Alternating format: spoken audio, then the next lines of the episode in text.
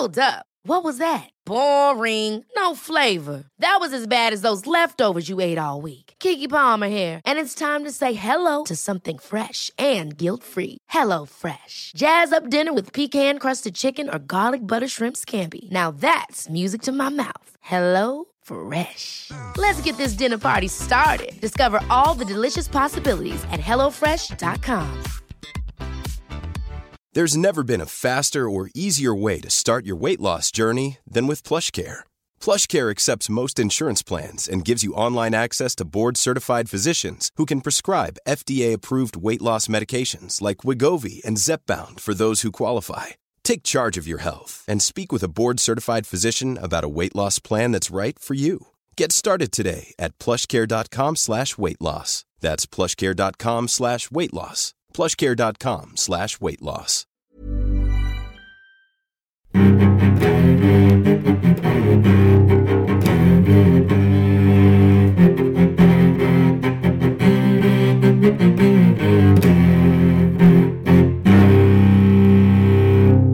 CSR-podden med Åsa Stenborg och Torbjörn Olofsson. Välkommen till CSR-podden där vi sysslar med att få en bredare och djupare bild av vad CSR är för någonting. Vi gör det genom att bjuda in människor som vi tycker är intressanta, experter, inspiratörer, debattörer och de som arbetar med frågorna på olika sätt. Vi som gör podden heter Torbjörn Olofsson och Åsa Stenborg. Och vår gäst idag är Pia Hjärtfeldt, generalsekreterare på Social Venture Network Sweden. Vad är det här Social Venture Network för någonting? Det är en medlemsorganisation, ett nätverk för företag, organisationer, ehm, ja, myndigheter, kommuner som alla strävar efter att arbeta på ett bra sätt med hållbarhetsfrågor. Och när man säger hållbarhetsfrågor i det här fallet så är det ett väldigt brett perspektiv. Det är både klimat och miljöfrågor men det är också eh, sociala frågor naturligtvis och etikfrågor. Ett annat begrepp för det är att man använder CSR. Men det är inte riktigt, jag tycker att vårt arbete är ofta större än CSR-frågor. Vi kan få komma tillbaka till det här med hur man definierar det här med CSR och de där bitarna. Men jag tänkte, vad, vad är skillnaden mellan till exempel eh, SVN Sweden och CSR Sweden och näringslivets miljöchefer? Vi är ju en medlemsorganisation som attraherar ganska eh, många och eh, det vill vi också vara därför att de här frågorna tycker vi är så viktiga så att vi vill gärna ha många med på båten när vi gör det. Men nu är i och för sig miljöcheferna, alltså näringslivets miljöchefer, större än vad vi är. Eh, vi är ganska många på den arenan idag mot när, mot när vi började då 2000. Och skillnaden det är ju det att vi, vi är medlemsstyrda. Vi, det är våra medlemmar som ska bestämma vad det är för frågor vi jobbar med, på vilket sätt vi gör, eh, vad, är det för, ja, vad som är väsentligt och, vad vill, de, vad vill de ha hjälp med? Alltså, vi är ju inte något konsultföretag men vi kan ändå hjälpa till att just eh, sprida kunskaper eller fördjupa kunskaper och dela erfarenheter. Det är liksom medlemmarna som bestämmer vår agenda. Och det är inte alltid så i de andra. Kan inte du säga någonting om, om Social Venture Networks historia utanför Sverige innan starten? Ja, det, finns ju en, det finns en berättelse som kan vara en skröna men jag tror också att den kan vara sann. Och det handlar faktiskt om Anita Rodrik som var Body Shops grundare och därför känner vi till henne ganska väl i Sverige. Och hon det sägs så att hon var över i USA i slutet på 80-talet och träffade bland annat eh, Ben och Jerry-glassen, eh, de två som, som eh, grundade det och eh, jobbade med det. Plus en x antal andra människor som inte är lika namnkunniga så vi vet inte riktigt vilka de var. Och på den här konferensen då så diskuterar man hållbarhetsfrågan i sin linda. Det var i slutet på 80-talet, man visste inte riktigt vart man, var man skulle vända sig. Men alla de här företagarna som var med här, de, de berättade det att eh, de förklarade för varandra då att de jobbade mycket med miljöfrågor. Klimatfrågan var inte lika aktuell då, miljöfråga. Och, eh, sen jobbar man då med sociala frågor. och man tänker sig Eh, hur det var med Body Shop så gjorde de sminkkurser för flickor. Och då kan man tänka sig vad ligger det för hållbarhetsfråga i det eller vad är det för social fråga? Jo, samtidigt som de här sminkkurserna eh, gavs till unga flickor som var i tonåren så jobbar man med deras självbild och deras självförtroende. Så det var en väldigt, eh, en väldigt bra verksamhet de hade. Och sen jobbar man väldigt mycket med etikfrågor. Återigen, Body Shop hade ju alla deras eh, smink var inte testat på djur och så vidare. Och det tyckte man var mycket mer alltså, etiskt försvarbart. Och eh, när de då resonerade och talade om för varandra om, om vad de, hur de hanterar de här frågorna så kom de ju på att det här var ju väldigt bra för allihop av de här var också väldigt lönsamma. Så de tjänade pengar, de var riktigt eh, ja, duktiga, de var med, de stora kundunderlag och tjänade bra med pengar. Och då frågar man sig naturligtvis varför, varför, varför gör inte alla på det här viset? Det är liksom, vi gör allt som är bra för mänskligheten och för naturen och vi tjänar bra med pengar. Och då kom man på att man kanske, det saknades kunskaper och saknades erfarenheter. Och då sa man det, då startar vi ett nätverk. Och så småningom tog Anita Roddick det här till England. Och därifrån så gick det sen både till Sverige och till eh, Holland. Och, men det blev aldrig större än no, något lite i Tyskland. Holland är stort, Holland är fortfarande mycket större än vad vi är. Um, och så var ju England då. Men i England så poppar det upp väldigt mycket nätverk och i den konkurrensen så stod sig inte Social Venture Network. Och då blev det Sverige, Holland, lite Tyskland, lite Frankrike, några i Schweiz. Och så bildar man då eh, SVN Europe. Och det pågick under några år och det var en hel del intressanta konferenser. Jag var inte med. Vilket då är vi framme vid nu? Då är man nog framme i mitten på 90-talet. Alltså 90, 95, 96, 97. Eh, och det gavs en hel del internationella då, konferenser där man fick mycket inspiration och kunskaper. Och det var väl därför man sedan gick vidare till att um, sätta igång och, um, med Social Venture Network i Sverige.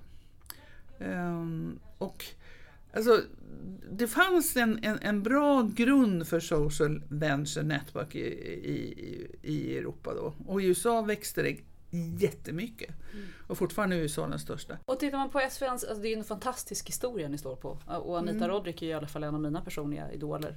Verkligen. En mm. aktivist med affärssinne. Det är ju en otroligt häftig kombination.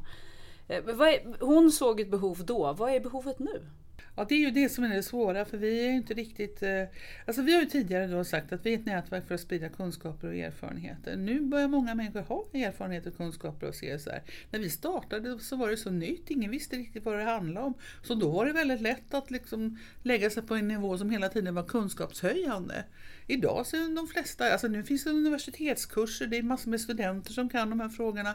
Eh, det är inte ett större företag Eh, har ju alltid sin, kanske inte CSR-avdelning, men åtminstone en CSR-ansvarig, vilket man kan fråga om det är bra eller dåligt, men det har. Alltså kunskapen om CSR-frågor, det är, har höjts betydligt. Och, så att just vara ett kunskapsnät när vi kommer med ny kunskap, det är ganska svårt för den nya kunskapen, det är ungefär som allting annat, ingenting är nytt under solen, det är bara hur man paketerar den. Och det är klart att man kan paketera CSR på ett annat sätt, men eh, frågorna är, är, inte nya idag utan de, de, och mängder med människor, mängder med företag, eh, människor som jobbar i de här har kunskaper redan och har en hel del erfarenhet av vad de har gjort och så vidare. Så den delen är ju inte riktigt om man, går, om man är medlem i SVN och ska se nyttan av att vara medlem i SVN så kanske det inte är just kunskap och erfarenhetsutbytet. Men det kan också vara det fast det är på ett annat sätt. Alltså att man, profilera dig mycket starkare mot olika roller inom företaget eller den delen. Det, vet. Alltså det är någonting som vi idag då sitter och tittar på och funderar över i styrelsen och i, i bland medlemmarna. Hur ska SVN eh, hitta sin roll och bli en, eh, en riktig nyttig eh, medspelare till företag och även till kommuner och organisationer. Man ska inte glömma av att SVN också har stora organisationer, ideella organisationer som medlemmar som Röda Korset och KFUM och så vidare.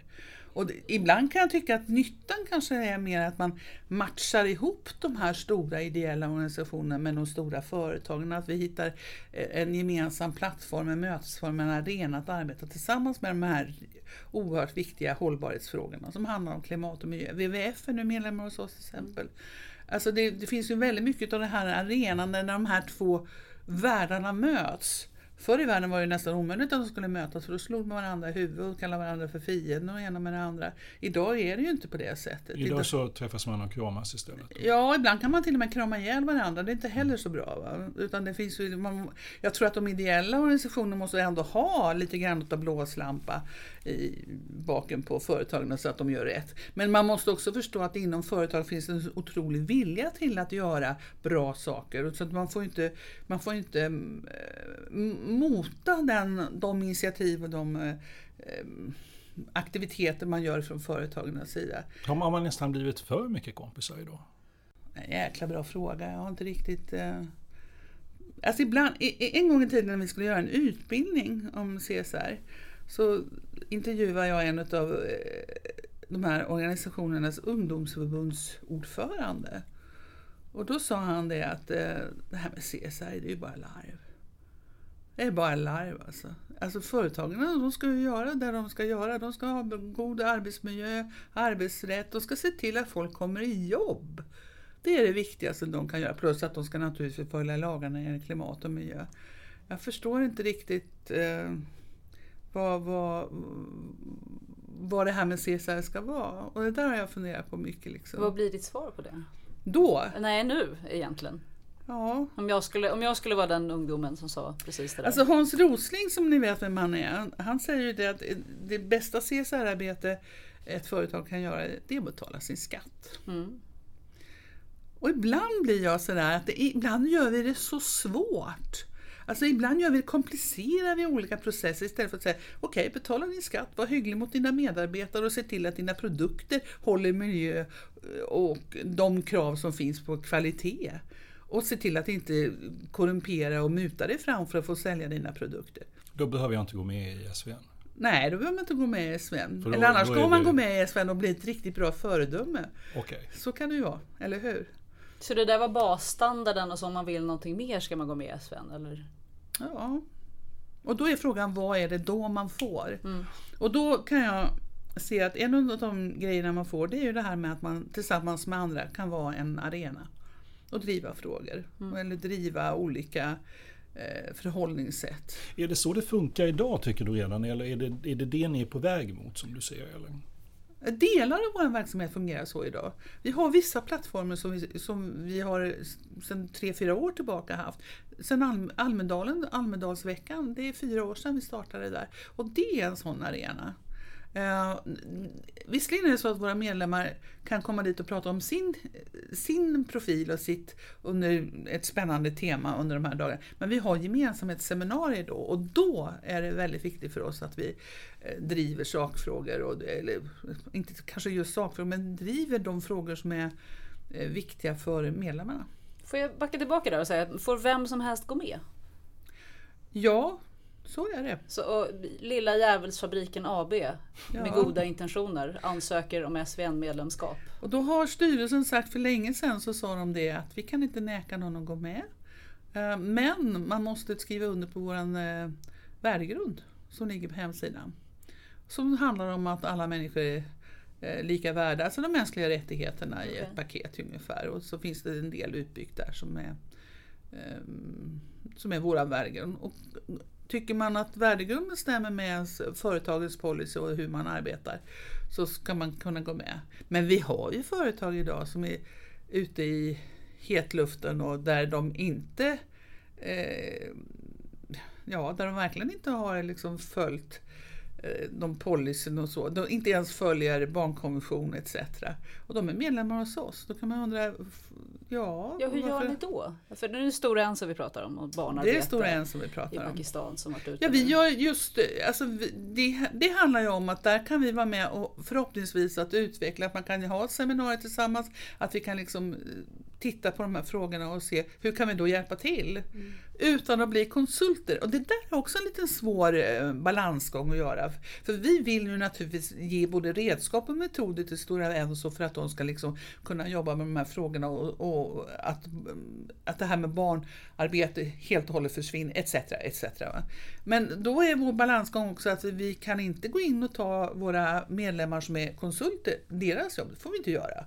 Utan vi måste hitta en gyllene medelväg. Och kanske handlar det om att vi vi ställer frågorna, vi blottar frågorna. Och det kanske blir så. Vi har haft i alla fall underhandskontakten just med Stora Enso när det gäller det här.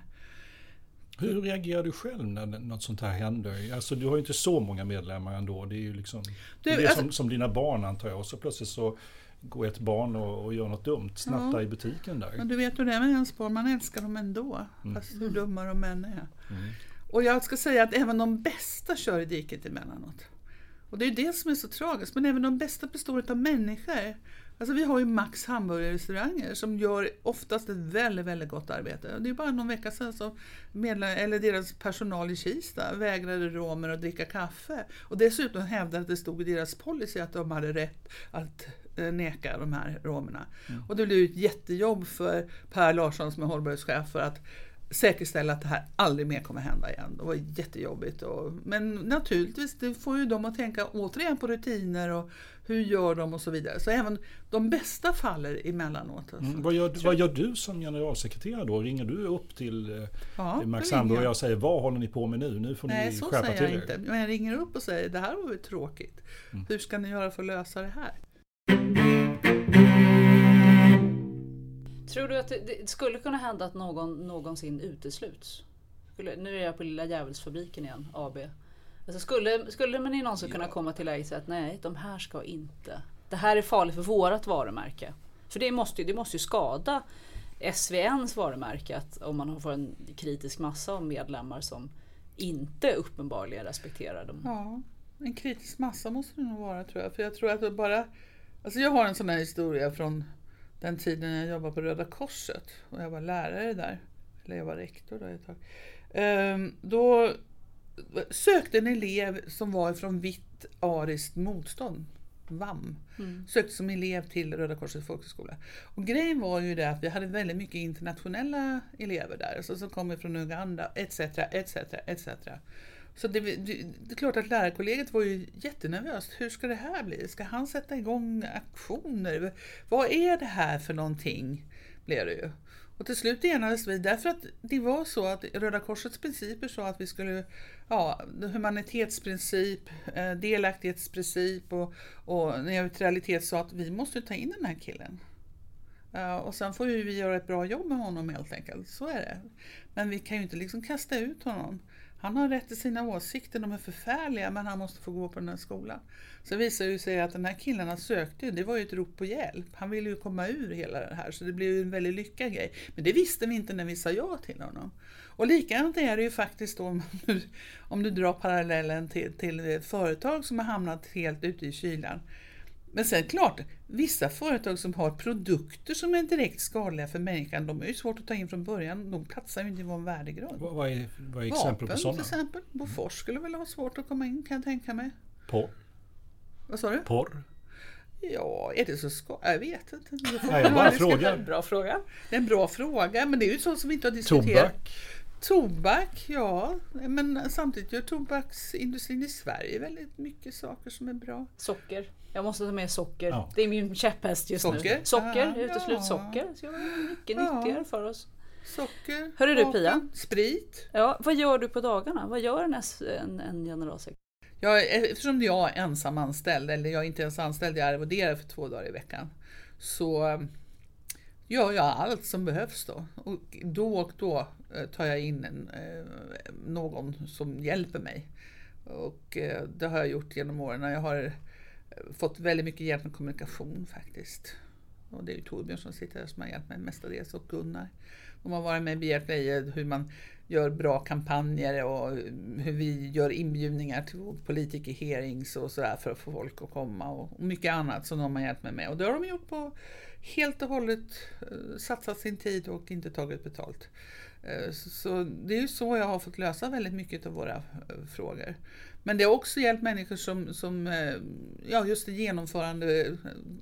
Vi betalar nästan aldrig, det händer nästan aldrig vi betalar för våra föreläsare. Utan folk tycker att det är bra och intressant att ställa upp och vara på frukostmöten och seminarier och etiska salonger, och allt vad vi har för någonting. Och sen så har vi naturligtvis människor som hjälper till då och då och skriver. Och, eh, en del kan vi ha möjlighet att arvodera men det är inte så ofta vi gör det. Um, så vad gör du då? Ja, vad jag? Jag, jag håller ihop allting. Jag, det är jag som pratar med nya medlemmar. Det är jag som raggar upp med nya medlemmar. Om de inte kommer till mig, ibland gör de det, men ibland gör de inte. Då tycker jag den här borde passa in i våran Eh, SVN-familj och då ringer jag och bestämmer jag möten och så träffar jag dem och det räcker inte med en gång utan de som man träffar dem flera gånger. Eh, jag försöker sammanställa då liksom material för att berätta vad, vad SVN gör och vad, vilken nytta man kan ha för det för att skicka iväg. Jag eh, ser till att alla våra listor, både de utskickslistor vi har för människor som ska komma på seminarier etc. etc. Alltså min, vad jag är bäst på det är hela tiden att träffa människor och se till att det blir spännande möten och eh, seminarier och konferenser. Det är de planerar jag och tar ofta hjälp av människor i olika sittningar. Vi har haft inför politikerhearingar, vi har haft sådana här middagar där vi har diskuterat sakfrågan och försökt att komma fram till vad är det vi ska egentligen, vad är det egentligen vi ska prata om och så vidare. Men då arrangerar jag och, och fixar det en helt annan fråga fast den hör ihop med det här. Hur, varför blev du generalsekreterare egentligen? Hur kom det sig? Ja, hur blev jag generalsekreterare? Alltså det, det var ju ett väldigt snyggt... Jag tyckte det var lite roligt med den där titeln för den är ju verkligen inte... Det låter väldigt pampigt. Det låter jättepampigt. Det är jag och Kofi Annan. Vet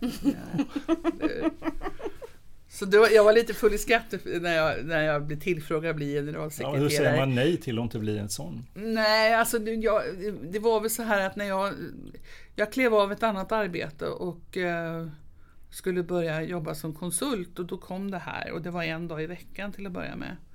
Och eh, jag kände väl att de här frågorna låg mig ganska varmt om hjärtat. Jag tyckte det var lite roligt. Och mycket av det jag hade gjort tidigare skulle också kunna liksom rymmas inom det här. Och det skulle dessutom kunna höra ihop med eh, de frågor som jag ändå brann för och som jag sen också skulle konsulta i.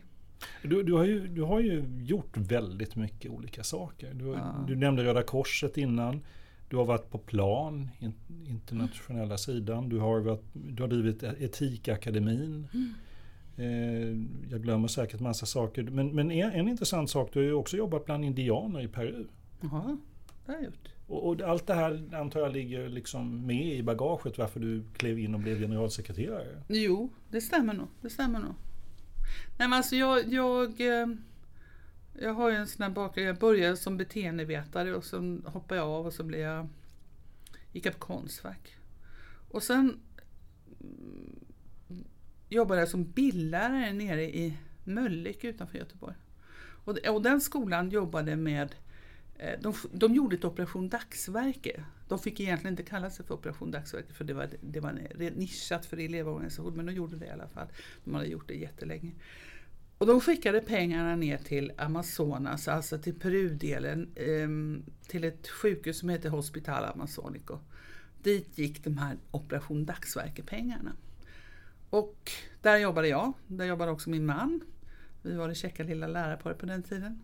Och eh, jag hade en dröm om att jag ville åka till Latinamerika. Så vi tog ledigt ett halvår och åkte först till USA och sen ner till Latinamerika. Och när vi skulle åka dit så sa rektorn där, kan inte åka och besöka vårt projekt nere i Peru. Det lät ju som en utmärkt idé. Och sen hände det massor med saker på vägen.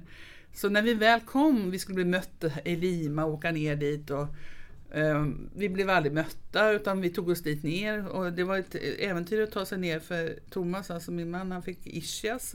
vi kom till Pucallpa med en lam man och um, ingenstans att bo, ingen som mötte oss och så vidare. Men det var en mycket märklig känsla. Och det var faktiskt det att jag kände som jag hade kommit hem. På, jag vet, på vilket sätt då? Ja men alltså du vet, det var ju så, från min västgötska bakgrund så att komma bara till den här värmen som kändes som en stor våt handduk som kom på huvudet på en. Så, så, så var det ju en jättemärklig känsla. Dessutom var alla liksom huvudet kortare än vad jag var. De räckte mig till midjan en del utav det. Jag var som en jättekvinna där nere. Och ändå hade du kommit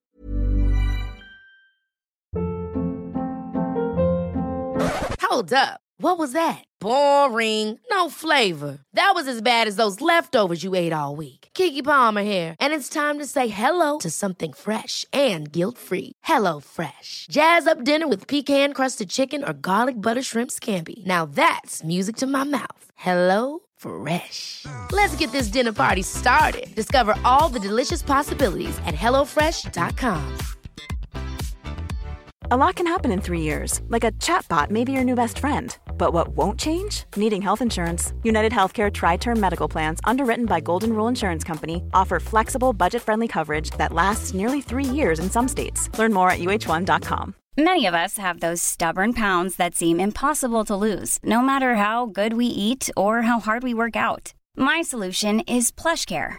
PlushCare is a leading telehealth provider with doctors who are there for you day and night to partner with you in your weight loss journey. They can prescribe FDA-approved weight loss medications like Wagovi and Zepbound for those who qualify. Plus, they accept most insurance plans. To get started, visit plushcare.com slash weight loss. That's plushcare.com slash weight loss. Ja, jag känner Pratar du spanska då? Nej, inte ett ord. Du förstod säga- inte språket? Och, Nej, jag kunde säga gracias och una cerveza por favor. Det var ungefär, det var min vokab. Men det gick alltså och till slut så, ja, det finns en massa med så historier att berätta. Men vi, vi, eh, under den tiden vi var där nere, vi var där mycket längre då eftersom Thomas hade ischias. Eh, vi var, det var planerat att vi skulle vara där en vecka och sen skulle vi resa vidare på äventyr. Så bestämde vi oss för att hit vill vi komma tillbaka. Och hit vill vi hur gammal var du då ungefär? I- Ja, då var jag 30. Nej, det var jag inte. 29 var jag. Ja. Ja, så jag var inte purfärsk på något sätt, men jag var 29 år. Och så, jag vet precis när det hände, för vi, satt i, vi, hade åkt ifrån, vi hade åkt ifrån djungeln och var uppe i bergen. Vi var i staden Cusco. Vi satt på ett fik. Och jag eh, sitter där och så tänker jag så här, men det här är ju inte sant. Jag vill bara åka tillbaka. Och så säger jag det till Thomas. Du Thomas, jag vill bo där nere. Då säger jag, men då får vi ordna det, säger han. Jaha, säger jag, det var ju hur lätt som helst. Jo, men vi gör så här. Vi åker tillbaka och talar om för föreningen att nu måste vi liksom göra nya satsningar. Och då måste vi ha ett nytt projekt och vi vet ju vad indianerna helst behöver. De behöver papper på sin mark, de behöver alltså eh, någon juridisk eh, formalitet som gör att inte de stora eh, bolagen kommer in och skövlar regnskog och så vidare. Och, och så gör vi ett jättefint eh, SIDA-ansökan och så får vi det. Och under tiden så utbildar jag mig till jurist så vi kan liksom fixa allt det här. Och så åker vi tillbaka och bor. Ja, det, jag tänkte han är ju inte klok men det var väl en, i alla fall en, en plan och sen tänkte jag att så blir det ju inte. Men vi betade av grej efter grej och så småningom så sökte vi det här. Och våran ansökan, ska jag tala om, jag är fortfarande stolt, var så bra så den blev föregångare till hur ansökningarna skulle se ut. Men du, det låter ju som väldigt lång tid måste ha gått från det ni satt vid kaféet i Cusco och pratade om det här till att ni återvände och Thomas hade läst då hade han läst in juridikexamen men och ni hade gjort allt det här du räknade upp. 81 kom vi tillbaka och vi åkte ner 86, det är fem år. Otroligt. Eh, Grymt, måste jag säga. En eloge till er båda. Ja. Och sen bodde vi där nere. Och hur länge bodde ni då? Ja, vi bodde där, det blev... eh, Alltså när vi bodde fast där nere så blev det nästan två år, knappt två år. Ehm, men vi hade varit, alltså vi, vi, det var ju inte så att vi åkte ner 86 utan vi var där 84, vi var där 83, alla de där åren innan vi bodde där nere på riktigt. Och vi hade bott kvar där, kanske inte än idag, men vi hade bott kvar mycket, mycket längre. Men under den tiden så hade ju också Sendero Luminoso som var en, verkligen en, en terrororganisation i Peru fått fotfäste ordentligt. Så när vi lämnade så lämnade vi dessvärre i flykt. Vi flydde för våra liv och kunde inte återvända. Och det, det, var fortfarande en, det är fortfarande en stor sorg. Men det bästa är ju att i sommar, alltså 25 år senare, så åker vi tillbaka med vänner och barn och ska vara där nere. Men du, det, det måste ju ha varit en total chock. Ni hade bott där då flera år i Peru och levt Och vi hade bland byggt vårt indianerna. hus och vi hade köpt, alltså ni vet, vi byggde ett helt hem. Vi byggde en hel tillvaro där nere. Det var liksom vårat... eh, Vi skulle starta där. Vi hade ju ett bra liv innan. Vi flydde inte från någonting här hemifrån Sverige. Men det här var verkligen spännande och kul.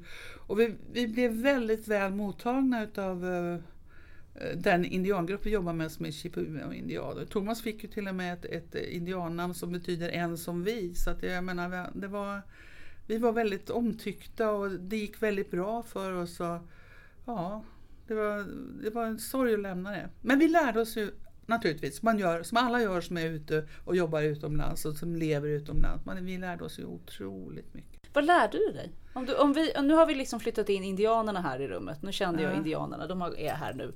Vad är, vad är det ekot? Vad, är, vad känner du? Ja, en sak är... jag lärde mig väldigt, väldigt starkt, som jag tror inte jag hade riktigt samma förståelse eller syn på tidigare. Det var integritet. Vad integritet betyder för en människa. Alltså hur långt kan jag gå i mina frågor och mitt sätt att vara för att intervenera i någon annan människas liv. Alltså hur, hur, hur kan jag värna min integritet samtidigt som jag är nyfiken på andra och så vidare. Den, och just det här etiska förhållningssättet när det gäller integritet, alltså hur, hur kan vi leva med varandra? Det var ju väldigt enkelt, alltså så att i början när vi bodde där nere så hade vi inte vårt hus klart och då fick vi bo hos våra vänner Shipibo-indianer. Och indianer, Shipibo-indianerna kommer, de, de eh, bor i hyddor utan väggar. Så på nätterna så ligger man i sina musketerer för det är ju en jäkla massa mygg om man säger så. Men du hör ju allt och ser ju allt vad de andra i huset gör. Va? Och det gör ju att du får en otrolig respekt för att eh, liksom stänga ute andra människor och inte låtsas som att du ser eller hör. Eller, utan du, du, du är verkligen en sån här Eh, full respekt för andra människors integritet. Det tror inte jag hade tidigare. Jag var gärna en sån som klampade in och frågade på fel ställen och var liksom ganska burdus och tyckte nog att eh, jag hade rätt att ställa frågor här och där och så vidare. Det lärde jag mig bland annat. Det var en av de grejerna. Mm. Uh, och sen Sen, ja, sen hela det som många andra har varit med om, alltså att man lär sig det att de här människorna har ett liv som är betydligt mer värdefullt än vad vi många gånger tror för att de är fattiga fattiga. Som att det skulle spela någon roll för att ha en värdighet som människa. Det är klart att det har. Alltså en fattigdom brutaliserar ju också. En Fattigdom får människor att bli kriminella och ena med det andra. Men det finns fortfarande människor som är, alltså det här med en, en, stark värdighet. Och en annan grej som jag lärde mig, det, var ju, det var ju lite fånigt det hela. Jag skulle då jobba med kvinnorna, jag ska inte berätta hela historien, men jag skulle jobba med kvinnorna. Och då skulle vi naturligtvis sann sån här folkrörelsemetodik då, att vi skulle se på delaktighet och alla skulle vara delaktiga och alla skulle säga. Och jag jobbade stenhårt med det. Jag tyckte riktigt att jag var duktig och bra där ett tag. Och så var det en natt ute i byn Panayo och jag hade varit med om det flera nätter i rad, att på något vis det kändes som det var en rörelse i byn. Och jag gick och la mig väldigt tidigt för det var den där myggen åt upp mig. Så jag ville liksom, och det blev becksvart klockan sex. Och i en, i en, i en Shipibo-by så är det liksom inget ljus, det är ju bara elden man har möjligtvis. Och så jag hörde det här, jag förstod inte. Och sen den här natten så var jag kunde inte sova, det gick bara. Det var så varmt. Det var så, så jag drog mig på mig och rädd för ormar och allting så hade jag både gummistövlar och ena med andra. Och så gick jag ut och så, så såg jag liksom att det var lite ljus i skolan. Jag tänkte, vad gör de där? Och när jag kommer dit så går jag då tyst i alla fall, så jag bullrar inte eh, in. För då ser jag att hela byn är där. Hela byn är samlad i skolan. Och där sitter alla på, längs med väggar och barnen ligger i knät på mammorna och papporna för med för den delen. Eh, och, och det är en som pratar och sen pratar en nästa. Och jag sitter där alldeles tyst intill väggen och får vara med om en konsensusbeslut. Som hade alltså varit i tre nätter. Man diskuterar en väldigt viktig angelägenhet för byn. Och här satt alla de människor som jag försökte lära delaktighet. Alltså det var så fånigt så Alltså du vet man bara känner att jag vill åka hem, det här är bara hemskt. Hur ska jag liksom överhuvudtaget. Så man lärde sig att ödmjukt ja, förstå ödmjukt. att andra har mycket ja. större kunskaper än vad man själv har.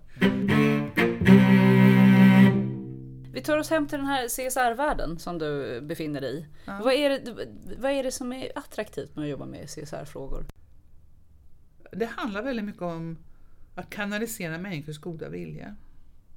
Alltså det här att, att tillsammans, om man jobbar tillsammans, man jobbar tillsammans för, för mål som handlar om att försöka, en del säger rädda världen, jag tror inte världen behöver inte räddas, det är mänskligheten som behöver räddas. Mm. Alltså rädda mänskligheten skulle jag vilja säga. Om man jobbar med det tillsammans så finns det så mycket kraft och så mycket eh, alltså, positiv energi i det, så det är roligt att jobba med.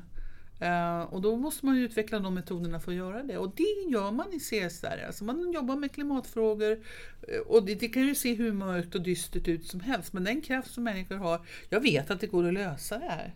Det, är bara, det handlar bara om att man måste mobilisera, man måste motivera och mobilisera människor. Så där, där tycker jag vi fortfarande ligger i, alltså där har vi inte eh, utvecklats speciellt. Utan jag tror att man måste, där måste man göra den riktiga satsningen. Jag tror att det, eh, en oerhört viktig detalj idag det är liksom att förstå mänskliga, mänskligt psyke, alltså jobba rent socialpsykologiskt eller psykologiskt. Vad får oss att verkligen ändra oss och göra andra saker? Jag tycker det, alltså, alla dessa tekniska, tekniska lösningar så är bra, men hela, hela de här hur man beskriver problemet, det är så ofta så tekniskt och det är grader hit och grader dit och ena med det andra. Jag tror att man måste hitta en helt annat förhållningssätt för att gå in i att påverka människor att ändra livsstil, för det är faktiskt det mm. vi måste göra. Du ser hela tiden människan, Men, människor och individer återkommer hos dig. Ja. För att se dem där. Finns det sådana individer på företag idag? Ja, absolut. Och är de fler på företag? Så om du tänker, du har varit i ideell sektor och så har du varit i offentlig sektor och så har du varit i företag. Ja, det är en myt att de finns bara i ideella världen. Jag skulle säga vissa av den ideella världen är väldigt eh, instrumentella. Man jobbar med viktiga saker men man glömmer av att implementera det i sin vardag. Mm. Um, och det gäller nog alla de här stora organisationerna jag varit på i Sverige. Men samtidigt, många av de här driver ju fantastiskt arbete. Men det gör företag också. Alltså jag, jag kan, alltså det finns så mycket företags eh, initiativ till att göra världen bättre eller att, att människor får möjlighet att, att utvecklas och så vidare. Så jag, jag, där, där ser jag då kommunikationen. Jag ser inte att kommunikationen är CSR-arbete, för det ska klart finnas ett arbete under kommunikationen. Men ibland så tycker jag faktiskt att det är för dåligt med att kommunicera det som görs som är bra. Och det skulle jag vilja se mycket, mycket mer. Att, få, att de skulle våga sticka hål på det här att man ska inte säga att man är så bra för då är det någon som slår ner på en. Vadå? Vad är det för ynkryggar som säger på det sättet? Var modiga, berätta vad ni gör. Ni gör ju skitbra grejer. Så våga prata mer, är ja, din, det borde vara din och det, då, då, blir det ju också liksom att det, sen slås det ju tillbaka till de här dåliga eh, nyheterna att det har gjorts fel där och gjorts fel Men det är ju det som lyfts upp hela tiden. Och det görs det i nyhetsmedia och jag tror att eh, så länge jag lever så kommer nyhetsmedia vara de som hela tiden fikar efter de dåliga nyheterna för vi älskar att läsa dem mest. Men då gäller det att all, hela den andra delen av kommunikationen tar fram det positiva. Men, men är det en rädsla för att få stryk som gör att företagen inte vågar gå ut med sin det sitt CSR-arbete. Så det är inte att man inte förmår det, att man inte riktigt förstår hur man ska göra. tror jag också. Jag tror att de går hand i hand. Man vet varken hur eller Nej. vågar inte. Man vågar inte för man är rädd för att någon ska säga men ni, här gör ni bra men där gör ni dåligt. Alltså det är den grejen. Va? Och sen så när de, och det här huret då, hur gör man det? Det tror jag, alltså, får man då reda på att man kan göra det så att det inte låter som att vi är bäst i världen utan man gör det på ett helt annat sätt. Ja, då är det enklare för dem att kommunicera. Mm. För, alltså, man pratar ju väldigt sällan om misslyckande inom CSR. Ja, men det finns ju. Men man pratar inte så mycket om det. Varför vågar man inte prata om det? Dels är det, tror jag, med, med, lite hänsyn till de som jobbar med det, som man verkligen anstränger sig och sliter för att få de här grejerna, så funkar det inte riktigt bra. Man vill inte, ursäkta uttrycket, skita dem i näven. Nej, men jag, men jag tänker som förälder så finns det ju en väldig kraft i att höra andra föräldrar prata om hur de har misslyckats med sina barn eh, längs vägen. Därför att man lär sig någonting ja. av det. Framförallt lär man sig att man inte är ensam och att, att problemen som uppstår är någonting som är ganska likt i alla familjer. Och så borde det ju kanske kunna vara även inom de här frågorna. Att man hör hur andra har försökt och så gick det åt skogen och då gjorde vi så här. Det gör ju vi på våra medlemsmöten. Då mm. pratar vi på det sättet. Men då är det ju stängda dörrar och ingenting som kommer ut därifrån. Det tror jag är något anledning. Alltså, och ibland inte ens då säger folk berättar om sina misslyckanden. Man är rädd för att det ska, det ska bli en stämpel. Eh, ni gjorde det här, ni försökte, det gick inget bra, ni är dåliga, alltså dåliga medarbetare. Jag tror att det handlar väldigt mycket om det. Har, du själv Men vilket jag tycker att det är, ja, om jag själv har misslyckats. Jag fråga, har du själv misslyckats ja. med just de här Vi frågorna? svara innan du frågar ja. ens. ja! Det är klart man har gjort. Det vore ju konstigt annars. Alltså. Mm. Har du några bra misslyckande exempel? På det ena CSR, nej men med SVN har man ju misslyckats emellanåt. Alltså man har trott att nu, nu, nu seglar vi, nu är det en bra fråga som är uppe här och sen när det går luften ur bara så finns det inte icke-fråga. Det har hänt för flera tillfällen. Det blir tyst. Alltså misslyckanden, det är mycket sällan man får höra att det där gjorde inte du bra eller det där gick ingen vidare eller det kunde du ha gjort på ett något annat sätt. Utan istället blir det bara tyst. Det tycker jag att jag upplever. Och det tycker jag är en oerhört dålig eh, form av kommunikation. Därför att då har ju jag, precis som du säger, man lyssnar på mina föräldrar och jag har ingen möjlighet att rätta till mig för jag vet inte vad det var som gick fel. Eh, eller man, ja, det, det finns sådana misslyckanden tycker jag inom CSR. Sen ligger väl lite i sakens natur, när jag snillar spekulerar här, men att på något sätt som, som är man en sån här hållbarhetsivrare eller CSR-ivrare, då spänner man ju alltid bågen liksom högt upp i trädet. Alltså jag ger ju inte råd som ligger på den nivån där jag tror att de ska göra. Jag ger ju råd 13 steg högre. Och sen ibland lyckas jag puffa dem dit. Och ofta så misslyckas jag med det. För det ligger ju i sakens natur. Jag men, men frågan är, hårt. Ja, men frågan är vilket seminarium lockar flest folk? Så misslyckades vi med vårt CSR-arbete eller så lyckades vi med vårt CSR-arbete? Mm. Jag tror ju senare, alltså det första misslyckades. För man vill gärna höra hur andra har kört i diket. Men det spännande är ju att höra hur andra har kört i diket och hur de kom upp därifrån. Det är ju det spännande. Alltså om man bara hör att folk kör i diket, det ledsnar man på också. Alltså det är roligt en gång, kanske två gånger, men sen är det inte roligt längre. Utan då vill man ju höra hur gjorde de för att ta sig upp. Men däremot att, att säga det här, vi, vi gjorde det här, det gick inget bra. Och sen gjorde vi det här, det gick inte heller bra. Men sen gjorde vi det här och det gick bra. Det är spännande. Det blir, det blir en konstruktivt eh, möte med människor. Du har nästan svarat den här frågan förut, men hur håller man andan uppe? Hur, hur, är det, hur, hur orkar man? Alltså det finns, alltså där återigen med kommunikation, jag tycker det är så viktigt att berätta de här historierna som ger kraft. Och, det, och ibland kan de vara så man kan ju många gånger tycka att de är obetydliga. Och jag tror att alla har, alltså egentligen är det, det bästa när man mobiliserar det är att var och en kan hitta de här historierna i sig själv. Har varit med om att förtydliga dem och, förverkliga dem. Och veta att det där kan hända mig, det där kan hända dig. Och tillsammans om vi, om vi gemensamt lyfter de här frågorna så kan vi gå vidare. Eller göra något stort utav det sociala eh, företag, socialt företagande. Jag vet att du har varit väldigt inne i det ett tag. Mm. Är det en rörelse? Det finns ju flera olika jag ska säga, definitioner på socialt företagande. Men det vi oftast menar i Sverige det handlar om människor som, som blir på det viset arbetsintegrerade. Alltså man, man har haft ett utanförskap och nu kommer man in i en organisation, ett företag Eh, som kan eh, producera tjänster eller produkter. Oftast då ska de ju vara miljövänliga och alltihopa det där. Men, men som tillåter då människor att komma in i den här organisationen. Fast de kanske inte kan jobba full tid eller de kanske har en funktionsnedsättning eller ett gammalt missbruk bakom sig eller vad det nu är för någonting. Men som ger människor en andra chans. Och de här sociala företagen, de är ju då till för att man tar inte ut vinsten utan man återinvesterar det in i det sociala företaget. Det är en, en, en förklaring på ett socialt företag. Den andra förklaringen handlar om att själva produkten eller tjänsten är en social innovation eller någonting som behövs i samhället som man inte riktigt har hittat på än. Men där är jag mer faktiskt inne på, det finns en jättebra kritisk artikel som ligger ute på nätet nu utav Fredrik Björk.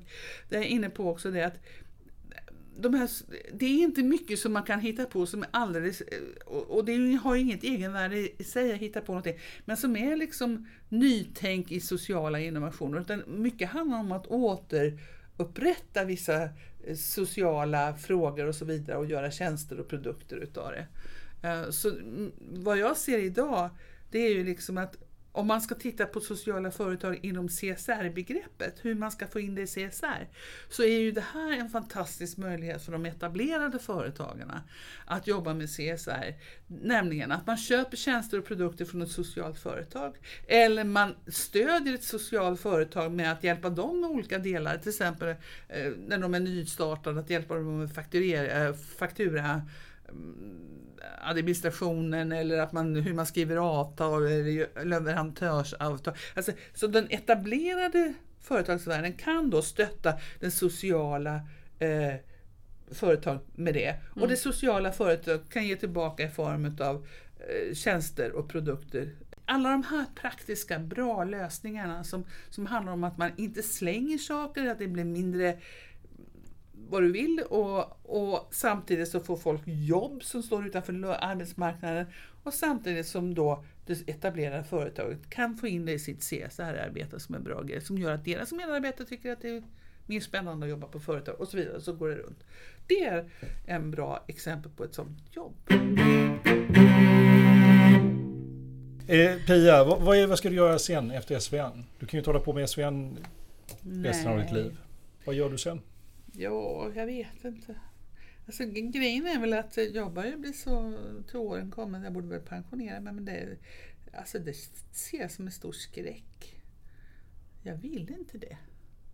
Men jag har ju ett projekt nu som jag jobbar med eh, som heter FIA, alltså funktionsnedsatta i arbetslivet. Och det hoppas jag ska gå över i ett större projekt, just att titta och undersöka de här möjligheterna till hur företag kan jobba med människor som har en funktionsnedsättning, hur de kan komma in i företaget, och framförallt stanna kvar. Vad finns det för metoder? Och det gäller unga människor. Metoder och modeller för att göra det. Och hur ser det ut i Europa på det? Kan vi liksom baka ihop någonting? Så det projektet skulle jag gärna vilja leda, dock inte äga, men leda eh, kommande tid.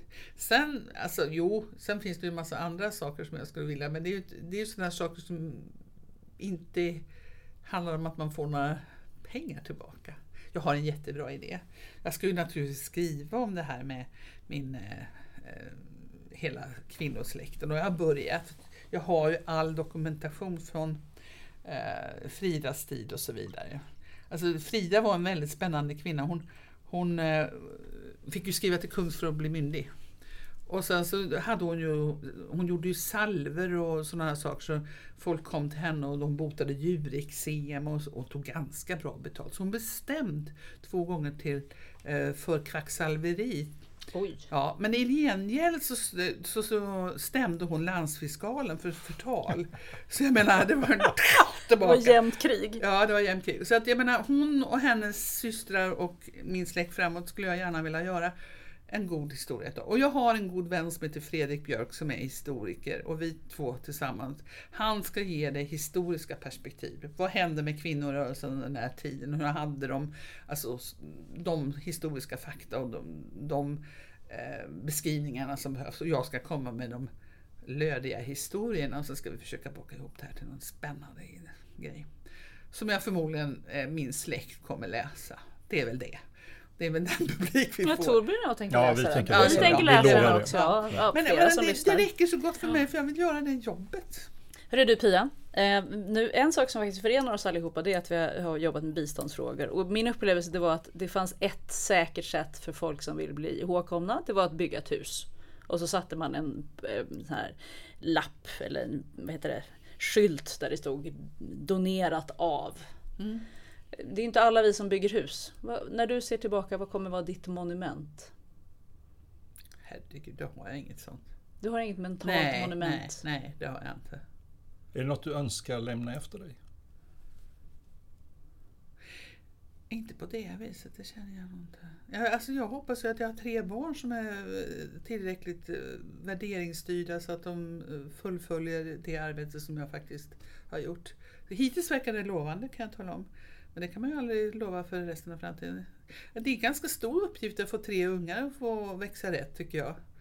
Ehm, Jag brukar ofta, ja, det är märkligt, jag brukar sällan se mig själv som mamma. Men just när du frågar den här frågan så känner jag att det, är, det är faktiskt deras sätt, det är deras tur att ta över. Och det kommer de att göra. Det är jag nästan övertygad om. Fantastiskt bra svar.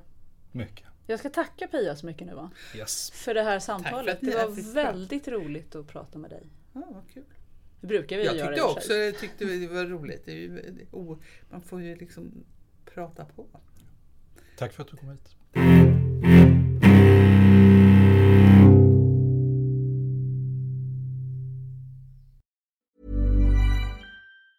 Ever catch yourself eating the same flavorless dinner three days in a row? Dreaming of something better? Well, HelloFresh is your guilt-free dream come true, baby. It's me, Kiki Palmer. Let's wake up those taste buds with hot, juicy pecan-crusted chicken or garlic butter shrimp scampi. Mm. Hello Fresh. Stop dreaming of all the delicious possibilities and dig in at HelloFresh.com. Let's get this dinner party started. Imagine the softest sheets you've ever felt. Now imagine them getting even softer over time. That's what you'll feel with Bowl and Branch's organic cotton sheets. In a recent customer survey, 96% replied that Bowl and Branch sheets get softer with every wash. Start getting your best night's sleep in these sheets that get softer and softer for years to come. Try their sheets with a 30-night guarantee. Plus, get 15% off your first order at bowlandbranch.com. Code BUTTERY. Exclusions apply. See site for details.